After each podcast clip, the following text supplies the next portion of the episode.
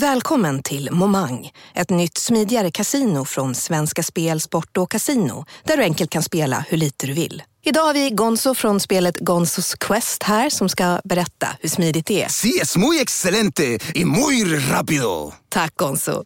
Momang, för dig över 18 år. Stödlinjen.se. Bara på Storytel. En natt i maj 1973 blir en kvinna brutalt mördad på en mörk gångväg. Lyssna på första delen i min nya ljudserie. Hennes sista steg av mig, Denise Rubberg. Inspirerad av verkliga händelser.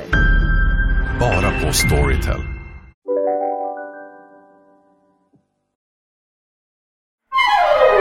Du lyssnar på en podd från Perfect Day. Nu är de kungar av Europa. Ja, det är de och Johan Cruyff blir ju bara mer och mer Johan Cruyff för varje framgång de uppnår och varje mål som uppfylls. Vet inte om du har stött på liksom anekdoten om hur det går till när sen självaste drottning Juliana tar emot det hemvändande triumflaget Ajax i Soistdijk-palatset. Nej, för de liksom står och småpratar lite och en av nyckelfigurerna i det här Ajax-laget var ju en handplockad serb som hette Velibor Vasovic och som spelade libero i det här gänget. Aten. Ja, nej, alltså, jätteviktig spelare. Mitchells hade tagit in honom mycket också för att få in liksom en typ av Balkan-hårdhet i ett annars kanske lite bräckligt och ömtåligt Ajax-lag som tänkte för mycket. Ja. Vasovic skulle bidra med något annat och gjorde det. Men nu kände han själv att det var dags att dra sig tillbaka. Hade vunnit Europacupen och själv hade han väl passerat 30 och då var det ju dags Ja. på den här tiden. Så han stod och liksom småpratade med drottningen om hur livet skulle se ut nu när han skulle pensionera sig och förtydligade just det här med att ja, nu gäller det ju bara att hitta en ny sysselsättning för en fotbollsgrabb måste försörja sig. Ja, ja, detta konstaterade drottningen, men innan hon hann tycka någonting om saken så bröt ju då Johan Cruyff in och höll en lång föreläsning och plädering för drottningen om progressiva skattesatser. Och själv pröjsade han tydligen 72 procent i inkomstskatt på den här tiden. Och visst, det var ju Pomperipossa-tider även i Sverige, Ja. så det är en hög beskattning. Men han nöjde sig inte med denna redogörelse utan började även trycka på drottningen att hon minst skulle lobba för förändring. För så här kunde det inte stå till i hennes Nederländerna. Och till sist var liksom drottningen tvungen att bromsa och avbryta. Herr Cruyff, du måste prata med finansministern om det. jag, jag kan inte ta det, Nej. inte här, inte nu. Nej. Jag är fel person för Ja. detta. Och Cruyff ja, fick väl konstatera detta faktum, men gick ju ändå från palatset med en jäkla övertygelse om att det var han som hade mest rätt i nationen när det kom till progressiv beskattning. Ja. Och det är inte bara Vasovic som ska sluta efter den här säsongen, va? Nej, alltså det är ju på många sätt uppbrottstider efter utfört uppdrag. För till följd av den här första Europacup-titeln så lämnar ju faktiskt Rinus Mitchells Ajax och flyttar till Barcelona. Och till sak hör definitivt att Rinus Mitchells var rekommenderad till katalanerna av en Johan Cruyff som redan stod i regelbunden kontakt med den klubben. Han jonglerade också med tanken på att flytta dit och detta mycket beroende på progressiva skattesatser. 72 procent i Nederländerna. Det är inget bra, tyckte Cruyff.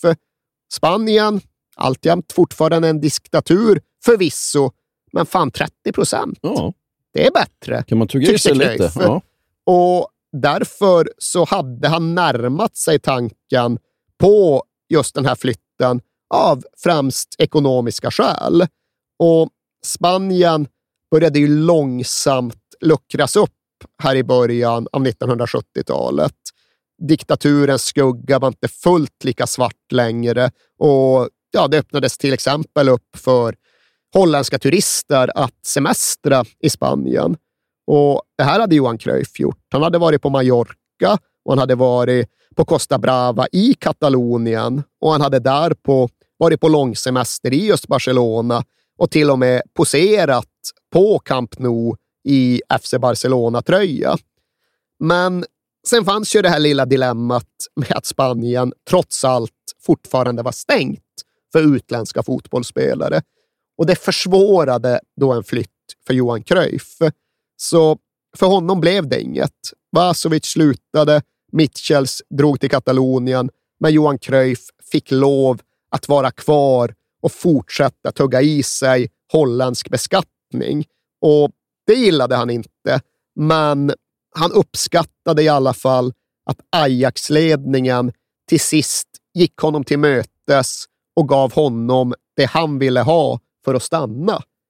Och det han ville ha, det var ju det han såg som livslång trygghet. Det är inte så att han vill skriva ett ettårskontrakt med klausuler och möjligheten att gå som bossman på ett sätt som givetvis inte existerade. Sjuårskontrakt, va? Sjuårskontrakt var det han ville ha. Sjuårskontrakt var det han fick. Och Det skulle innebära att han tillhörde Ajax fram till det att han var 31 år gammal 1978. Och då pensionerade han sig. Och det var hans plan. Ja. Då liksom räckte det. Det var så länge han skulle hålla på och ifall han bara skötte sina kort någorlunda rätt så skulle han i alla fall ha en bra ekonomisk grundplåt att stå på inför resten av yrkeslivet. Så ett sjuårskontrakt var bra. Ett sjuårskontrakt var en förutsättning, men inte tillräckligt, utan därtill så såg han till att Ajax i samarbete med en av huvudsponsorerna, en varuhuskedja som hette KBB, gick in och garanterade honom livslång anställning, jobb fram till 65 och pensionering. Och det var han verkligen mån om att skriva in. Nej, grabben måste ha ett jobb, vet ni. Så det fick han alltså gå med på. att ja, här har du en jättehög lön och sen har du liksom korkoster som maximerar din kommersiella potential. Men ja, känner du att du är i behov av anställningstrygghet på andra sidan, då får vi ju helt enkelt fixa fram det. Så han såg framför sig att han skulle jobba i ett varuhus? Han... Fram till 65. Det Ja. behövde Det göras. tid för För försörjningen måste tryggas, familjen måste säkras. Ja. Det var fortfarande väldigt närvarande i Johan Cruyff, trots att han numera var Europamästare och erkänd som både ett fotbollsgeni och någon form av unik kulturell kraft. Kevin De Bruyne, efter här nu så får du gå in och börja jobba lite på Harvey Nichols. Jättegärna. Ja, det är ändå liksom upscale och Ja. upmarket. Liksom. Ja. Du får jobba på Marks and Spencers och tugga i dig det till, nu är det väl, vad fan är det i England som är pensionsålder? 69 kanske? Ja. Mitchells försvinner, eh, ny tränare kommer in. Ja, och det är klart att det är en väldigt omfattande förändring som automatiskt medför stor osäkerhet. Vad, vad händer nu? Och trots nyskrivet kontrakt och varuhusgig säkrat så kände Johan Cruyff en oro när det stod klart att det var rumänen Stefan Kovacs som skulle ansluta från den kommunistiska arméklubben Steaua Bukarest som en armégeneral.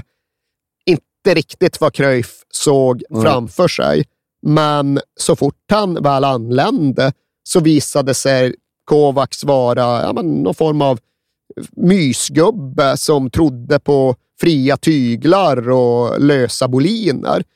Cruyff liksom gick och frågade ifall han såg ett problem med att han hade långt hår. Nej, absolut inte. Liksom, spela fotboll så får du ha hår ner till knävecken, struntade Kovacs i. Ja. Och nu blev tillvaron i Ajax A-lag mycket friare, paradoxalt nog, än vad det hade varit under Rinus Mitchells. Men Mitchells var ju hård. Han var hård, Ja. absolut. Men än en gång, ifall du tar in en coach från arméklubben i det kommunistiska. Rumänien så är det kanske inte vad du först associerar med. Men följden blev ju då inte en begränsad Johan Cruyff, utan en ännu mer frikopplad och på ett sätt maximerad Johan Cruyff. Här närmar han sig än mer positionen som någon typ av ställföreträdande tränare. Och inte nog med att Kovacs tyckte att han fick ha hur långt hår han ville. Han gjorde verkligen ett nummer av att det här var en fotbollsspelare som inte skulle stängas in i en fotbollsspelares vanliga bojor. Han refererade till Cruyff som fotbollens Michelangelo och det där med att han skulle vara en artist snarare än en fotbollsspelare, det var någonting som liksom talade till Johan Cruyff och hans självbild och hans ego. Det där limmade precis med hur han såg sig själv och det kommer ju att bli verkligen att bli överutnyttjat med tiden. Men här fanns det fortfarande någon sorts fräschör i att Cruyff inte bara var fotbollens Michelangelo i sin egen tränares ögon. Andra hänvisade till honom som fotbollens Bach eller fotbollens Maria Callas eller fotbollens Rudolf Nurejev. Mm. Det var någon som påvisade artistiskt släktskap med en fransk mimartist som heter Jacques Tati. Ja, ja. Och du är bekant med Jacques Tati, ja. Vad fan är Tati? Vad vet du om hans mimerier? Nej, men han var väl sån fransk... Eh, ska vi se. Jättekänd fransk skådespelare, va? Det här är en kunskapslucka hos mig som påminner om liksom det Jacques Inge. Danielsson-stora hålet nej, det i din bildning. Ja, men det har jag hört talas om. Ja, han och Cruyff, lika i sitt uttryck. Ja, det har jag ingen aning om. Ja, men hela den här diskursen, hela det här sättet att prata och fundera, kanske bidrog det till, men det verkade om inte annat sammanfalla med en Johan Cruyff som började prata om, som började uttrycka att han värderade estetik i ja, men minst lika hög utsträckning som han värderade resultat. Och det här är en förändring, en omsvängning. Cruyff som hemma i kvarteret aldrig släppte bollen ifrån sig eftersom att han vägrade riskera att förlora mm, genom att låta någon annan klåpare hantera bollen. Liksom Cruyff som, ja, som alla andra pratar om sig själv som en sån extrem vinnare när han meddelar att inte ens barnen får vinna i sällskapsspel och allt Nej. det där. Men här började han se, uppskatta, nästan tillbedja andra värden. Fotbollen var inte bara segrar och bucklor och resultat.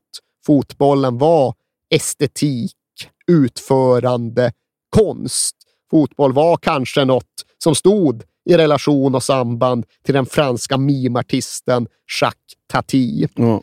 Men han hade väl inte hunnit ge så tydligt uttryck för allt detta när han för första gången föräras Ballon d'Or, ja, i praktiken då utmärkelsen som då är Europas bästa fotbollsspelare. Och han tog emot detta med glädje och stolthet och som allra första holländare att vinna Ballon d'Or så medförde det ju också någon form av liksom nationellt erkännande. Och det första som hände efter utmärkelsen var att Cruyff hyllades även i samband med en bortamatch mot Ado Den Haag. De liksom stod upp och applåderade honom hela arenan och sen tackade Cruyff för detta med ett av sina mest eh, uppvisade konstverk.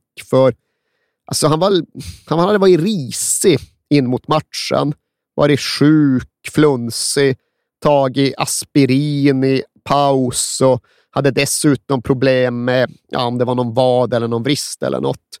Och I början av andra halvlek när han väntade på att aspirinen skulle kicka in så stod han ute vid sidlinjen vid bänken och skulle få behandling. Och Det var liksom någon massör som höll på att rulla strumpa och skulle liksom ta bort tejpning samtidigt som matchen fortfarande pågick. Men mitt i detta så singlar det ner en förlupen långboll alldeles framför Cruyff där han stod. Ganska bra första touch. Ja, alltså, då kan han inte hålla sig längre, utan det kvittar att han har liksom en lång tejpremsa i handen. Första touchen ska utföras och precis som egentligen i alla andra Cruyffs stora stunder så sker ju här någonting som ja, men, Du har aldrig riktigt sett det Nej. tidigare. Och det är inte inövat, det är inte framtränat. Det är improviserat utifrån vad som faktiskt funkar i stunden. Det här görs inte för att det är sevärt och spektakulärt. Det görs för att det är effektivt. Ja. Och ja, Du vet vilket mål jag syftar på. Vad är det som händer? Nej, men alltså han, han står ju där och försvaret står väl jämte honom, men den här långbollen tar han ju med, med en första touch så att han skickar den fram i banan och löper efter. Sen vet jag inte om han tar en touch till eller om han... Eh, Ja, Jag tror bara att det är bara två touch. tror jag. Det Det- är liksom ja. den här nedtagningen som inte är en nedtagning. som är en löpboll till sig själv. Exakt, liksom. exakt. Och så springer han fram och sen, så, sen bara ja, Han skruvlobbar han över Ja, målvakten. där utnyttjar han ju också liksom bollens rotation. Ja. Det är någonstans en skruv som är lite bibehållen från den här första lyran som han fortfarande använder sig av när han slår till bollen och verkligen liksom skruvar den runt målvakten och i en båge in i nät. Och det är, liksom, det är två touch på, på en millisekund känns det som. Ja, det är ju både estetiskt och effektivt, men det blir ju framförallt hänförande eftersom att det, det där har jag aldrig sett förut. Nej. Och nu har ju det, vad det, gått- det har gått över 50 år sedan det hände. Jag har fortfarande aldrig sett det. Och som håll, vad säger holländarna när de ser ett så här snyggt mål? Uh, borde jag veta det eller? Skip the rut! Jag har skrivit ut. Ja, Eller någon det. Ja. variation på Ja. detta. Men det är lite kul med just det här målet. Alltså det är så jävla estetiskt allting. Liksom både gamla svartvita kameran, det faktum att han har liksom en remsa tejp som fladdrar i vinden och sen har han ju också sitt karaktäristiska sätt att fira som är så jävla old school. När man kan bara ta något liksom språng i luften med ja, nästan lite balettlik Ja. benföring. Och Ja, det är fantastiskt Ja, det är så jävla fint. Ja. Men det är också så att extra mycket kanske sticker ut eftersom att Johan Cruyff är ju svag på YouTube. Och Det har inte enbart att göra med att det fanns få kameror på 1960 och 1970-talet. Det är ju också knutet till det där vi var inne och touchade tidigare. Att eh, han gör sällan så där överdrivet spektakulära grejer. Du tittar ytterst sällan på Johan Cruyff och känner att det han just gjorde, det var någonting som skulle vara tekniskt omöjligt för mig själv att utföra. Nej. Liksom var och en av hans bolltouchar, ja men de kan vem som helst göra. Ja. Men det är hans förmåga att göra det i fart, med rätt timing, ja, gång efter gång efter gång efter gång som gav honom hans storhet. Och sen det där med att ja, men han var minst lika bra i det osynliga spelet som i det som drog ögonen till sig. Han gjorde sig helt enkelt inte för fem sekunders sekvenser. Nej, det, är- det är verkligen ingen sån här Ronaldinho eller Maradona. Nej, men- du vet, Han var en 90 minuters spelare, inte en 9 sekunders ja, spelare. fan bra sagt. Han var helhet, han var inte glimtar. Nej. Och det är ja, men verkligen slående när man sätter sig och går igenom det videomaterial som trots allt finns bevarat från hans karriär. Att använder du liksom dagens 15-årings ögon, den måttstocken, då tittar man väl och känner, vad fan är det här? Det Nej. är, inget, det är inget särskilt med den här Nej. killen. Ja, men faktiskt, jag måste säga, det är i så fall för att ni tittar på fel sätt. Ja. We beginnen dit jaaroverzicht op de tweede dag van 1972. Johan Cruijff zorgde toen tegen de FC Den Haag voor dit mooie moment. Schitterend gedaan zoals hij daarbij maar laat staan heeft.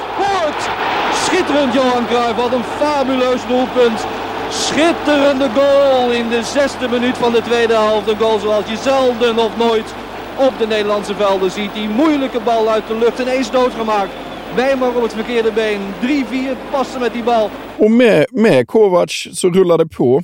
Ja, det rullar på i ännu högre hastighet med ännu bättre resultat. För förmodligen var det precis vad det här laget behövde i det här skedet. Nu hade de drillats Ja. och gnuggats i ja, sju, åtta år och de hade hört Linus Mitchell stå och vråla och kommendera och de hade för den delen haft Cruyff i örat precis hela tiden. De kunde grejen. Det funkade och det var välbehövligt att lossa lite på tumskruvarna. Och när vi väl kommer fram till nästa Europacupfinal, den som spelas mot Inter i Rotterdam våren 1972, ja, då är de allra flesta överens om att vi även är framme vid höjdpunkten för detta Ajax. För liksom grunderna satt där. Spelet gick på automatik, både med och utan boll. Men om något så tillät Kovacs ännu lite mer offensiv viktning, ännu lite större utrymme för improvisation. Och den här finalen, den målades upp både inför och efteråt som liksom krocken mellan 60-talets dominanta fotbollsordning, den italienska catenaccion, och så då framtiden som följde den fria holländska totalfotbollen. Och här så dansade framtiden jänka med det förflutna. Ajax vann visserligen bara med 2-0. Cruyff gjorde båda målen, mm. men det hade kunnat bli mångdubbelt mycket mer. Och ja, bättre blev väl aldrig detta Ajax.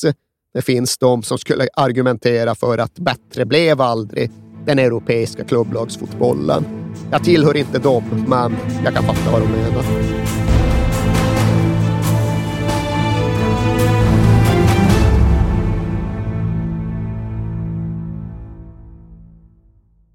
Vi fortsätter med vårt stora 90-årsfirande, Alex. Ja, precis. Själva födelsedagen för Stryktipset är ju i oktober, men det här är liksom det är förfesten. Ja, för vi är ju sponsrade av Stryktipset. Ett spel från Svenska Spel, Sport och Casino för dig över 18 år. Vi är ju det och eh, har du problem med ditt spelande så finns stödlinjen.se där för dig.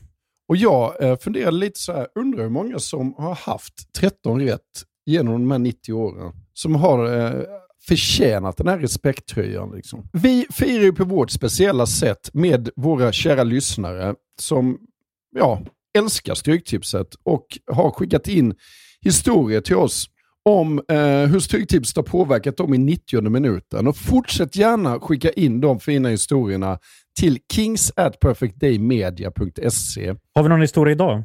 Ja, det har vi. Och den kommer från Thomas. Den är kort mm. koncis. Mm. Den går så här. Jag vill tro att detta är 2010.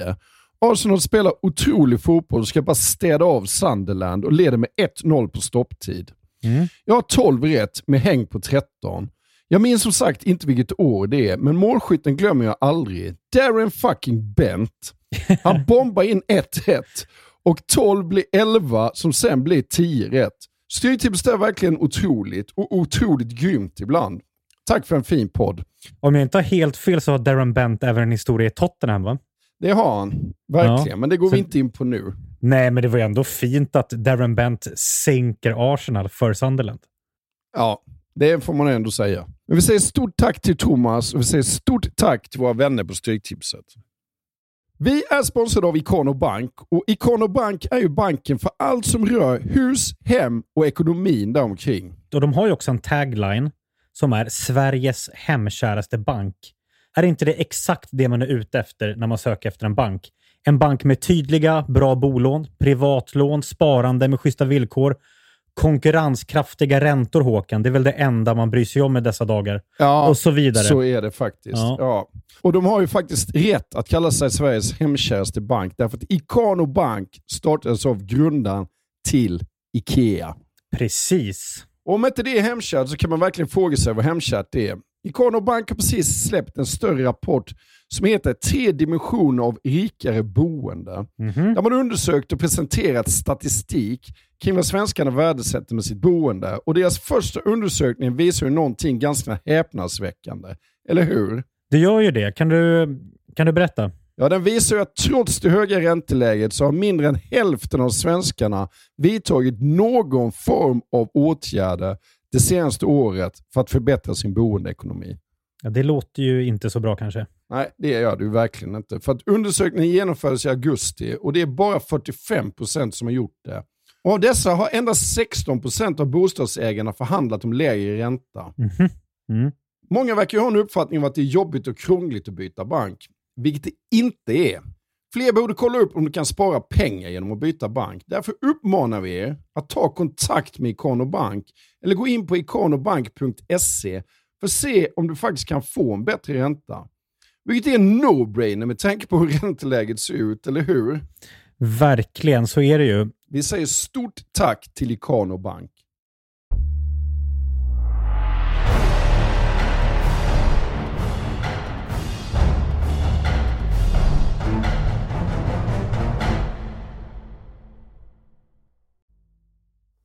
Okej, hösten 1973 och eh, Johan, Cruyff, Johan Cruyff befinner sig i Katalonien och ett Barcelona som verkligen inte är vad det är idag.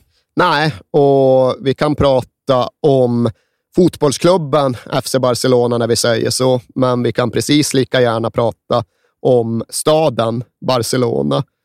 För ja, till att börja med så är det ju en liten regionalflygplats som Johan Cruyff landar på och blir mottagen på. Och ska vi räkna lite styvt så var väl befolkningen i Barcelona ja, men, hälften av vad den är idag Jaha. i början av 1970-talet. Det var ett ja, men, bakvatten i hög utsträckning och en allt mer förslummad stad som givetvis hade lidit väldigt mycket under Franco-styret. Och här är det ju som ni vet, ja men kanske den mest använda parallellen mellan fotboll och politik som överhuvudtaget existerar. FC Barcelona hade inte vunnit ligan sedan 1960 och det fanns ju inte en människa i Katalonien som inte såg ett samband mellan den titeltorkan och det politiska styret i den spanska centralmakten. Nej. Men nu skulle ju allt bli annorlunda. Med möjligheten att värva utländskt kunde ju FC Barcelona få effekt på de här stora medlemsintäkterna som strömmade in i klubbkoffertarna. Och Johan Cruyff var köpt för en världsrekordsumma och Johan Cruyff betecknades som El Salvador. Och då anspelar vi inte på nationen, utan på den rent bokstavliga Räddaren, betydelsen. typ. Frälsaren, Ja. räddaren. Och Cruyff hade en väldigt tydlig plan. Han hade skrivit på ett treårskontrakt och det var ju både högre grundlön och lägre skatt. Så nu skulle han nå någon form av ekonomisk smärtpunkt snabbare än han hade gjort hemma i Holland. Så hans plan var tre år, göra vad han kunde för Barcelona och sen sluta. Det var hans tankebana när han nu påbörjade ett nytt liv.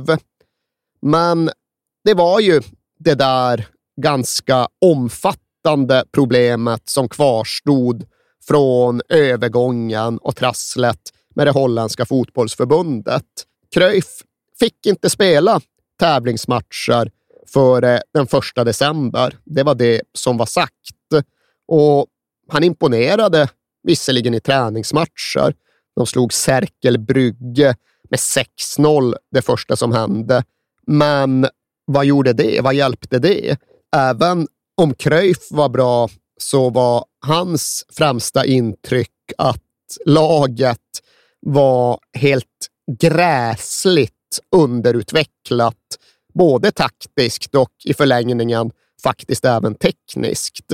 Det var en massa medspelare som slog i hans ögon helt förbjudna sidledspassningar och Cruyff recenserade med att säga att taktik är något som tycks vara fullständigt främmande för mina lagkamrater. Men då hade han väl ändå Mick Mitchell som tränare där?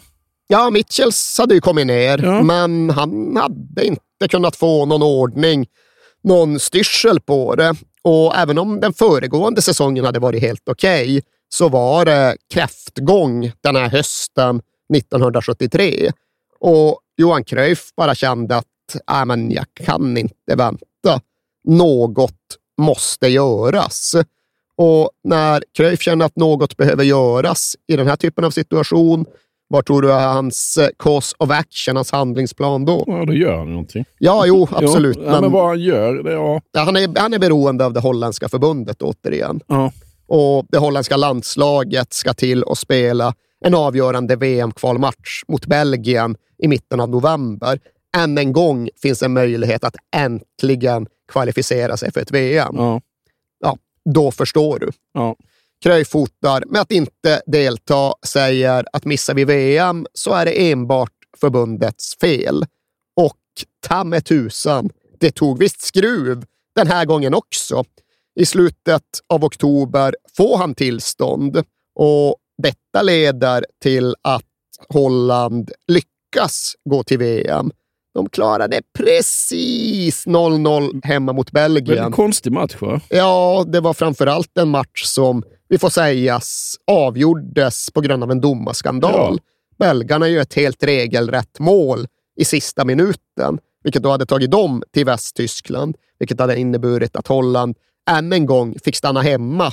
Men det, tror jag, sovjetiska domarteamet hittade en offside och dömde bort det. Ja. Och ja, Det var en sak som hände hemma i Holland de här veckorna. Jag vill även passa på att nämna att de regerande Europamästarna från Ajax drabbas av en chockförlust i Europacupen. De har inte förlorat i den turneringen på ja, bortemot fyra år. Ja. Men nu ryker de direkt mot klubben som idag heter Seska Sofia. Vet du vad de hette då? Nej. Nej, vet knappt jag. De hette Seska Septembriuskuzname, som tydligen ska utläsas CSKA Septemberflaggan. Och riktigt vad det betyder har jag inte kommit i botten med. Det har någonting att göra med att de var ihopslagna med en klubb som var grundad i september. Men äh, det är ett jävla starkt gammelkommunistiskt klubbnamn. Den tröjan har du inte tackat nej till. Ja, nej, det hade jag inte, även om jag inte är så inne på så här jättegamla retrotröjor. Men Seska Septembriuskusname, Seska Septemberflaggan. Mm. Ja, det är ett jävla kvalitetsnamn Jaha. på en fotbollsklubb. Och jag vet faktiskt inte riktigt hur Cruyff kände för den där Ajax-förlusten. Jag misstänker att han nog någonstans kände sig ganska belåten. Det tror jag också. För där ser ni hur det går när ni försöker klara er utan mig.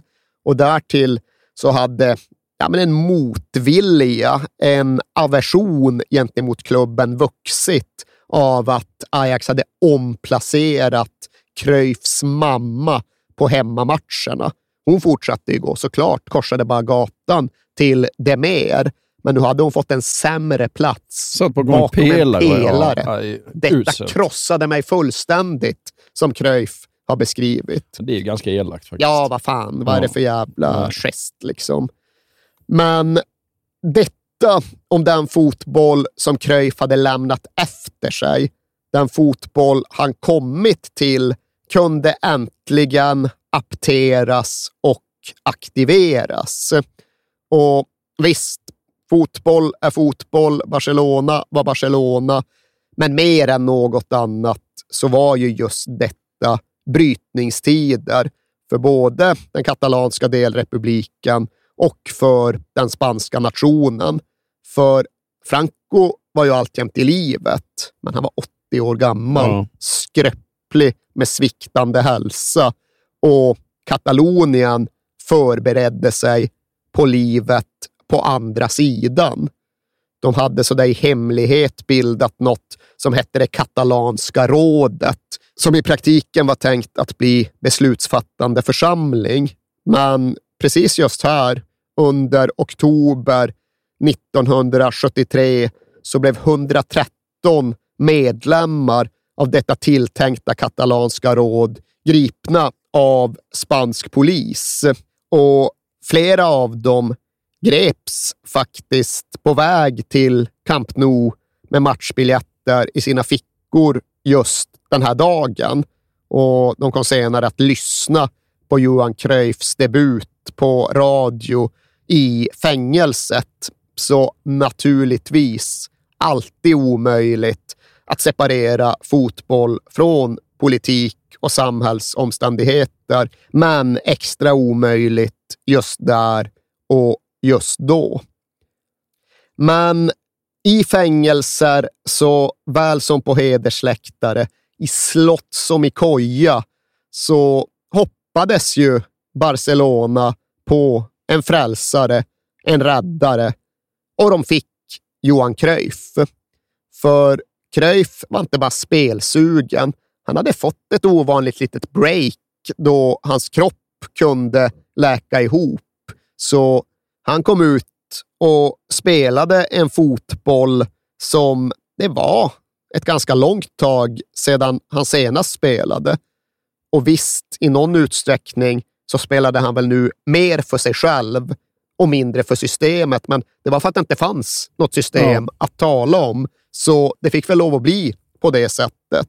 Och Cruyff gjorde två mål och Barcelona vann mot Granada med 4-0 och det var bara början. För när Cruyff debuterade, då låg laget på 14 plats i tabellen. Men sen vann de och så vann de och så vann de igen, igen, igen, igen. Och plötsligt var de uppe i serieledning mm. och vi var knappt ens framme vid jul och nyår. Och hur var det talande du. Ja, ja. herrejävlar. Ja. Och verkligen en fråga som hela fotbollsnationen ställde sig. Alltså hur var det möjligt att ett lag bara över en natt omedelbart blivit dubbelt så bra? Ja. Och vissa pratade ju om liksom den där El Salvador som ramlat ner från himlen och även några av spelarna var liksom inne på någon form av liksom smått gudomlig retorik där de numera kände sig osårbara med Cruyff vid sin sida. Men själv uttryckte sig Cruyff som han alltid hade gjort och alltid skulle komma att göra. Han sa det att ja, men det finns ganska bra spelare i det här laget, men de var inte bra på att tänka. Nej. Nu börjar de lära sig att tänka och när de verkligen förstår hur de ska tänka, då kommer laget bli riktigt bra. Nu är vi ganska bra. Ja. Och ganska bra räckte rätt långt i den här spanska ligan. Och hyfsat nyss pratade vi om hur Cruyff inte var en YouTube-spelare med en massa spektakulära mål. Men strax före jul 73 så gör han ett mål mot Atletico Madrid så kanske hans främsta YouTube-ögonblick med reservationen att det bara finns usla bilder bevarade. Ja. Ja, du vet vilket jag syftar Nej, på. det gör jag faktiskt inte. Det. Ja, det kommer, jag kanske har sett det med usel bildkvalitet. Ja, det är riktigt risiga bilder. Man ser knappt vad som händer, men det kommer ett överlångt inlägg mot bortre stolpen och Cruyff hinner i grund och botten inte fram. Den där bollen kommer att segla förbi honom. Men då gör han något som snarare påminner om Zlatan Ibrahimovic än om den spelare Cruyff var och den fysik Cruyff hade. För han improviserar då fram någon sorts jävla flygande bakvänd karateklack. Jaha. Och jag vet inte fan om jag orkar snärja in mig i att försöka beskriva det bättre än så. Bilderna talar tydligare, men det är liksom ett häpnadsväckande volleymål av återigen den där typen som du inte har sett vare sig förr eller mm. senare, men som man också kan prata om på ett helt självklart sätt. Ja, jo, alltså det blev väl spektakulärt sådär, men den enda anledningen att det blev sådär, det var ju att det var enda sättet som jag kunde nå bollen på. Mm. Jag skulle inte kunna ta ner den.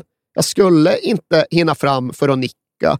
Det fanns inget sätt att nå den, förutom då att kasta sig raklång i luften, snurra ett halvt varv, hitta en position då klacken kommer i läge för att dra iväg en liksom, halvt upp och nervänd skorpion ja. och dra in den i mål. Ja. Och Det var inte något som hände för att det var snyggt. Det var något som hände för att det behövde hända. Ja, det var enda sättet att få in bollen.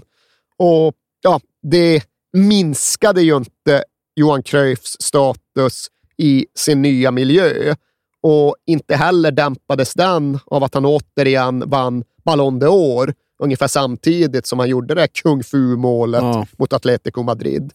Men trots allt detta, trots drömmål och serieledning och utmärkelsen som Europas bästa, så hade ju inte Barcelona sett någonting ännu i jämförelse med det som snart skulle komma. Centra, muy cerrado. Remata Cruyff, inverosímilmente.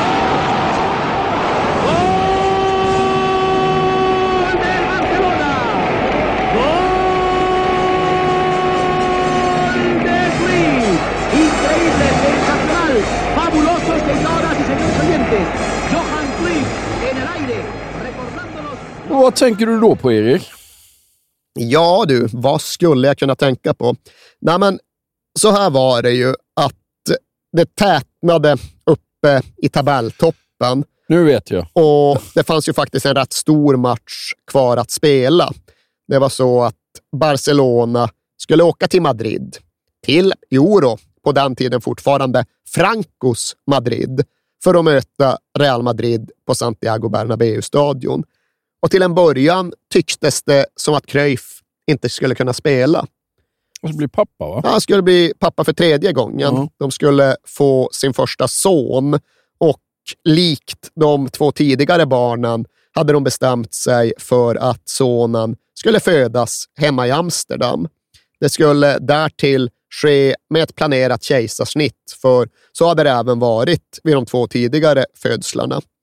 Och med tanke på att det ändå skulle vara ett planerat kejsarsnitt så undrade ju Rinus Mitchells och de andra att ja, men kan ni kanske inte tidigare lägga Mm. det kejsarsnittet med en vecka så att du kan spela på Bernabéu? Och hade inte Cruyff velat spela på Bernabéu så hade det inte blivit någonting av detta. Nej. Men nu hade han en tydlig och stark egen vilja att göra detta och därför lät han sig själv övertalas och övertalade därefter sin fru och på så sätt blev det. Grabben föddes i Amsterdam en vecka före utsatt speldatum. Johan Cruyff närvarade men kunde sedan återvända till Spanien för att spela den så uppumpade matchen. Och in mot den hade Linus Mitchells en, jag vet inte om jag ska säga ett taktiskt direktiv, ett taktiskt önskemål. Han förklarade att han hade fått rapporter från Madrid om hur motståndarbacklinjen tänkte gå från man-man till zon för att möta hotet från Cruyff. Hans förslag på motdrag var att i ännu högre utsträckning än vanligt använda Cruyff som det vi idag skulle ha kallat för en falsk nia. Och han hade ju spelat någon typ av falsk nia, eller flytande nia, i egentligen alla år, men ändå varit inte låst till den offensiva tredjedelen. Det, så funkar det inte Cruyff. Men nu var det verkligen liksom droppa djupare, djupare, mittcirkeln. Liksom där kan du stå och diktera Ja. för att liksom locka iväg Madrid-försvaret, liksom dra dem ur sina positioner och sen göra skada när motståndarlaget var oorganiserat och det var oreda där. Och andra spelare kunde springa in i nummer Ja, men 19. såklart. Ja. såklart. Ja. Och så blev det. Cruyff tyckte det lät bra och tyckte Cruyff att någonting lät bra så då var det inga problem att få med honom på den taktiska skutan. Och ja, för någon som bryr sig om FC Barcelona, eller för den delen Real Madrid, eller spansk fotboll i allmänhet. Vi behöver inte upplysa de människorna om hur den här matchen slutade. Men för er som till äventyrs missat det så slutade den alltså med en 5-0-seger för FC Barcelona på bortaplan i Madrid. Och Johan Cruyff gjorde 1 plus 2 eller 1 plus 3, lite beroende på hur ni räknar.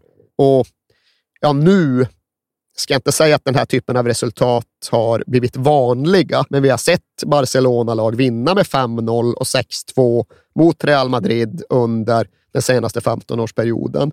Det hände ju inte 1974. Nej. Liksom FC Barcelona, det var de undanskuffade, nedtryckta, marginaliserade som i grunden visste att de aldrig skulle kunna vinna. De skulle inte tillåtas vinna. Men nu, med Cruyff, med El Salvador, med nya upptinande politiska tider, så var tydligen allt annorlunda.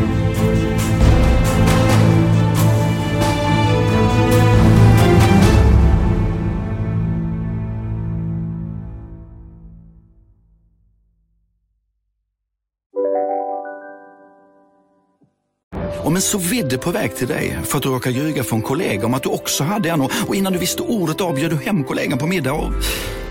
Då finns det flera smarta sätt att beställa hem din sous på. Som till våra paketboxar till exempel. Hälsningar Postnord. Nej. Dåliga vibrationer är att gå utan byxor till jobbet. Bra vibrationer är när du inser att mobilen är i bröstfickan. Alla abonnemang för 20 kronor i månaden i fyra månader. Vimla! Mobiloperatören med bra vibrationer. Här sitter jag i en ljudstudio tillsammans med ett sjölejon för att berätta att McDonalds nu ger fina deals i sin app till alla som slänger sin takeaway förpackning på rätt ställe. Även om skräpet kommer från andra snabbmatsrestauranger, exempelvis Eller till exempel Ja, precis. Men sitt Barcelona lyckas han aldrig lyfta till samma höjder igen. Och han lyckas definitivt inte ta dem till den plats där Ajax hade varit. Han lyckas definitivt inte göra dem till världens bästa lag. För, ja men hur fan var det han själv sa när han kom? Ja, det är ett ganska bra lag, men ifall de lär sig tänka, att då kan det bli riktigt bra. Frågar du Cruyff så lärde sig aldrig detta Barcelona riktigt att tänka. Och detta underlättades då inte av att Rinus Mitchells försvann efter det första året och någonstans blev upp till Cruyff själv att försöka göra katalanerna till holländare på fotbollsplanen. Och den andra säsongen innehåller en del höjdpunkter.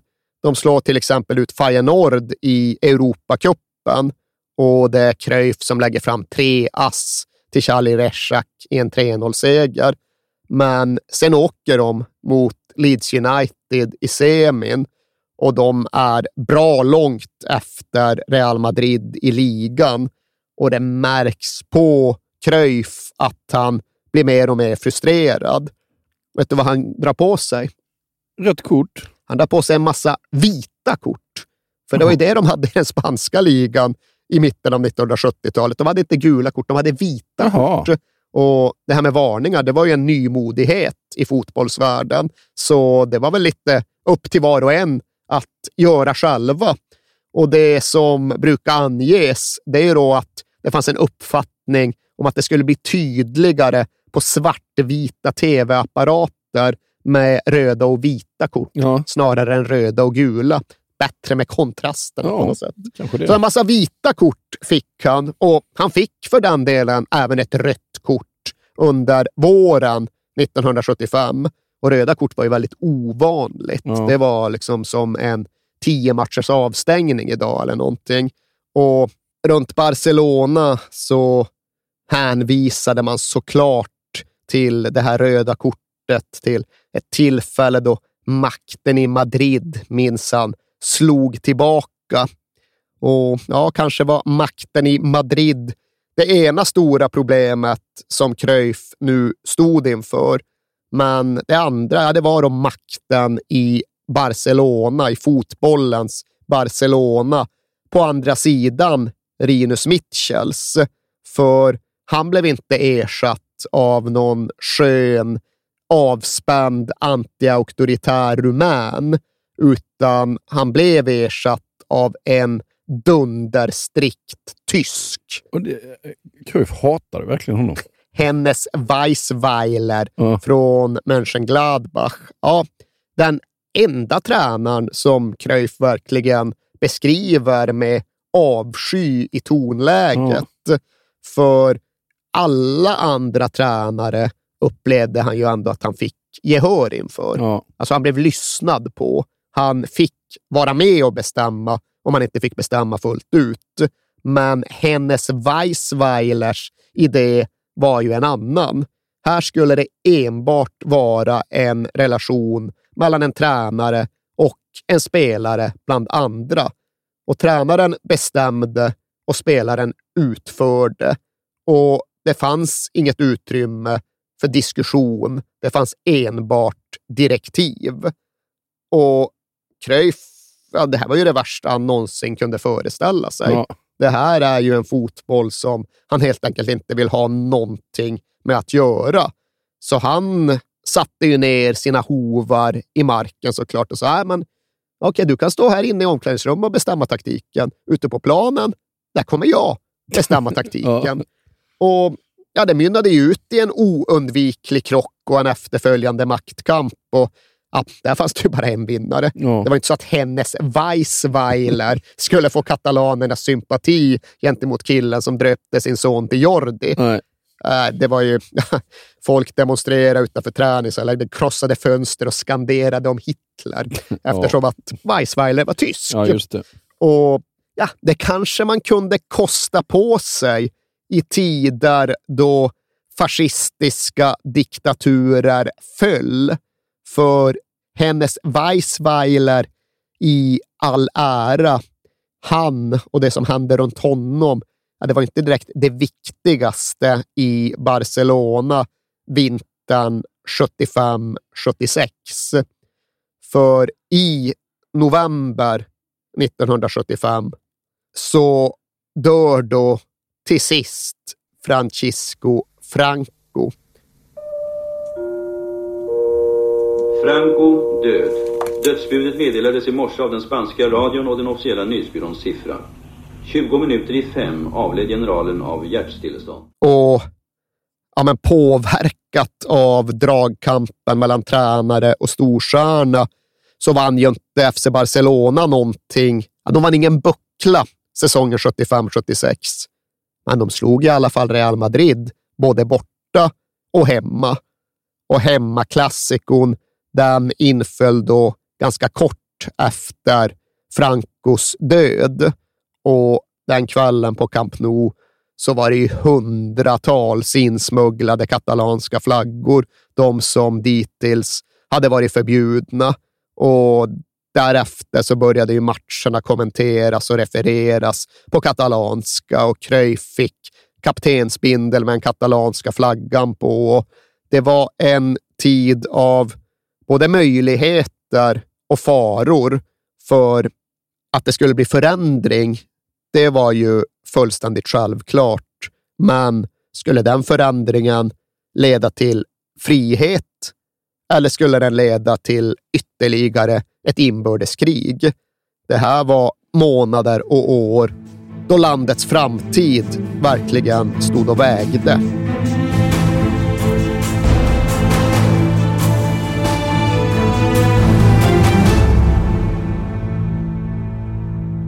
Och det färgar av sig på fotbollen också. Ja, om inte annat på hur fotbollen uppfattas och blir tagen, För ifall vi drar vidare till nästkommande säsong, 1976-77, så ser det verkligen ut som att Cruyff ska upprepa tricket och Barcelona ska vinna ligan återigen.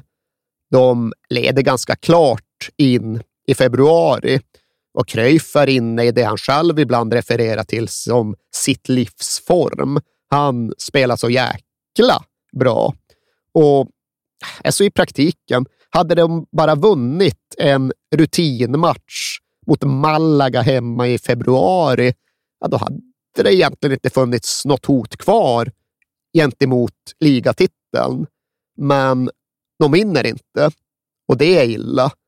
Men vad värre är, är då att Johan Cruyff återigen blir utvisad. Man kallar domaren Ijo de puta, va? Säger domaren. Säger domaren. medan- Säger inte Cruyff. Nej, Cruyff säger att han aldrig sagt så. Nej, man har liksom givit något taktiskt direktiv till en medspelare. Ja. Och alltså, vad fan vet jag? Ibland kan man ju säga att omöjligt för en domare att på ett någorlunda diskret sätt fixa en match, än mindre en liga. För han kan ju liksom inte uppfinna en straffspark om ingen går omkull i straffområdet. Nej. Kanske kan han uppfinna ett rött kort ifall bara Johan Cruyff öppnar munnen. Och Johan Cruyff öppnar munnen under en 90 minuters match. Ja. Så jag vet ju inte, men Cruyff hävdar ju att det var det som hände. Det här var en domare från Madrid, det han inte ser något påpeka, som bara bestämde sig för att hitta på att han hade förolämpat honom. Och på det följde en utvisning, en tre matcher lång avstängning och för den delen ja, men ett fullständigt förlorat Barcelona-fokus. För även med en avstängd Cruyff hade det räckt med ganska lite för att de skulle rädda upp ligatiteln den här våren. Men efter den här matchen mot Malaga, där Cruyff blir utvisade, det blir planstormning, de bränner ner någon tv-buss och sen vinner de inte en match på åtta. Nej. De vinner inte en match. Och ja, återigen, där kan man ifrågasätta fokus från lag, klubb och för den delen region.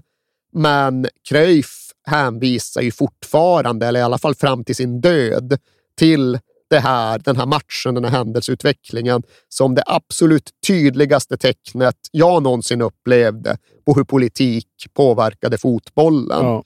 Och ja, så pratade han redan när det skedde och hade väl fått allt större förståelse för både den politiska situationen, men även för hur han själv skulle uppträda i relation till den för att ja, men liksom komma rätt.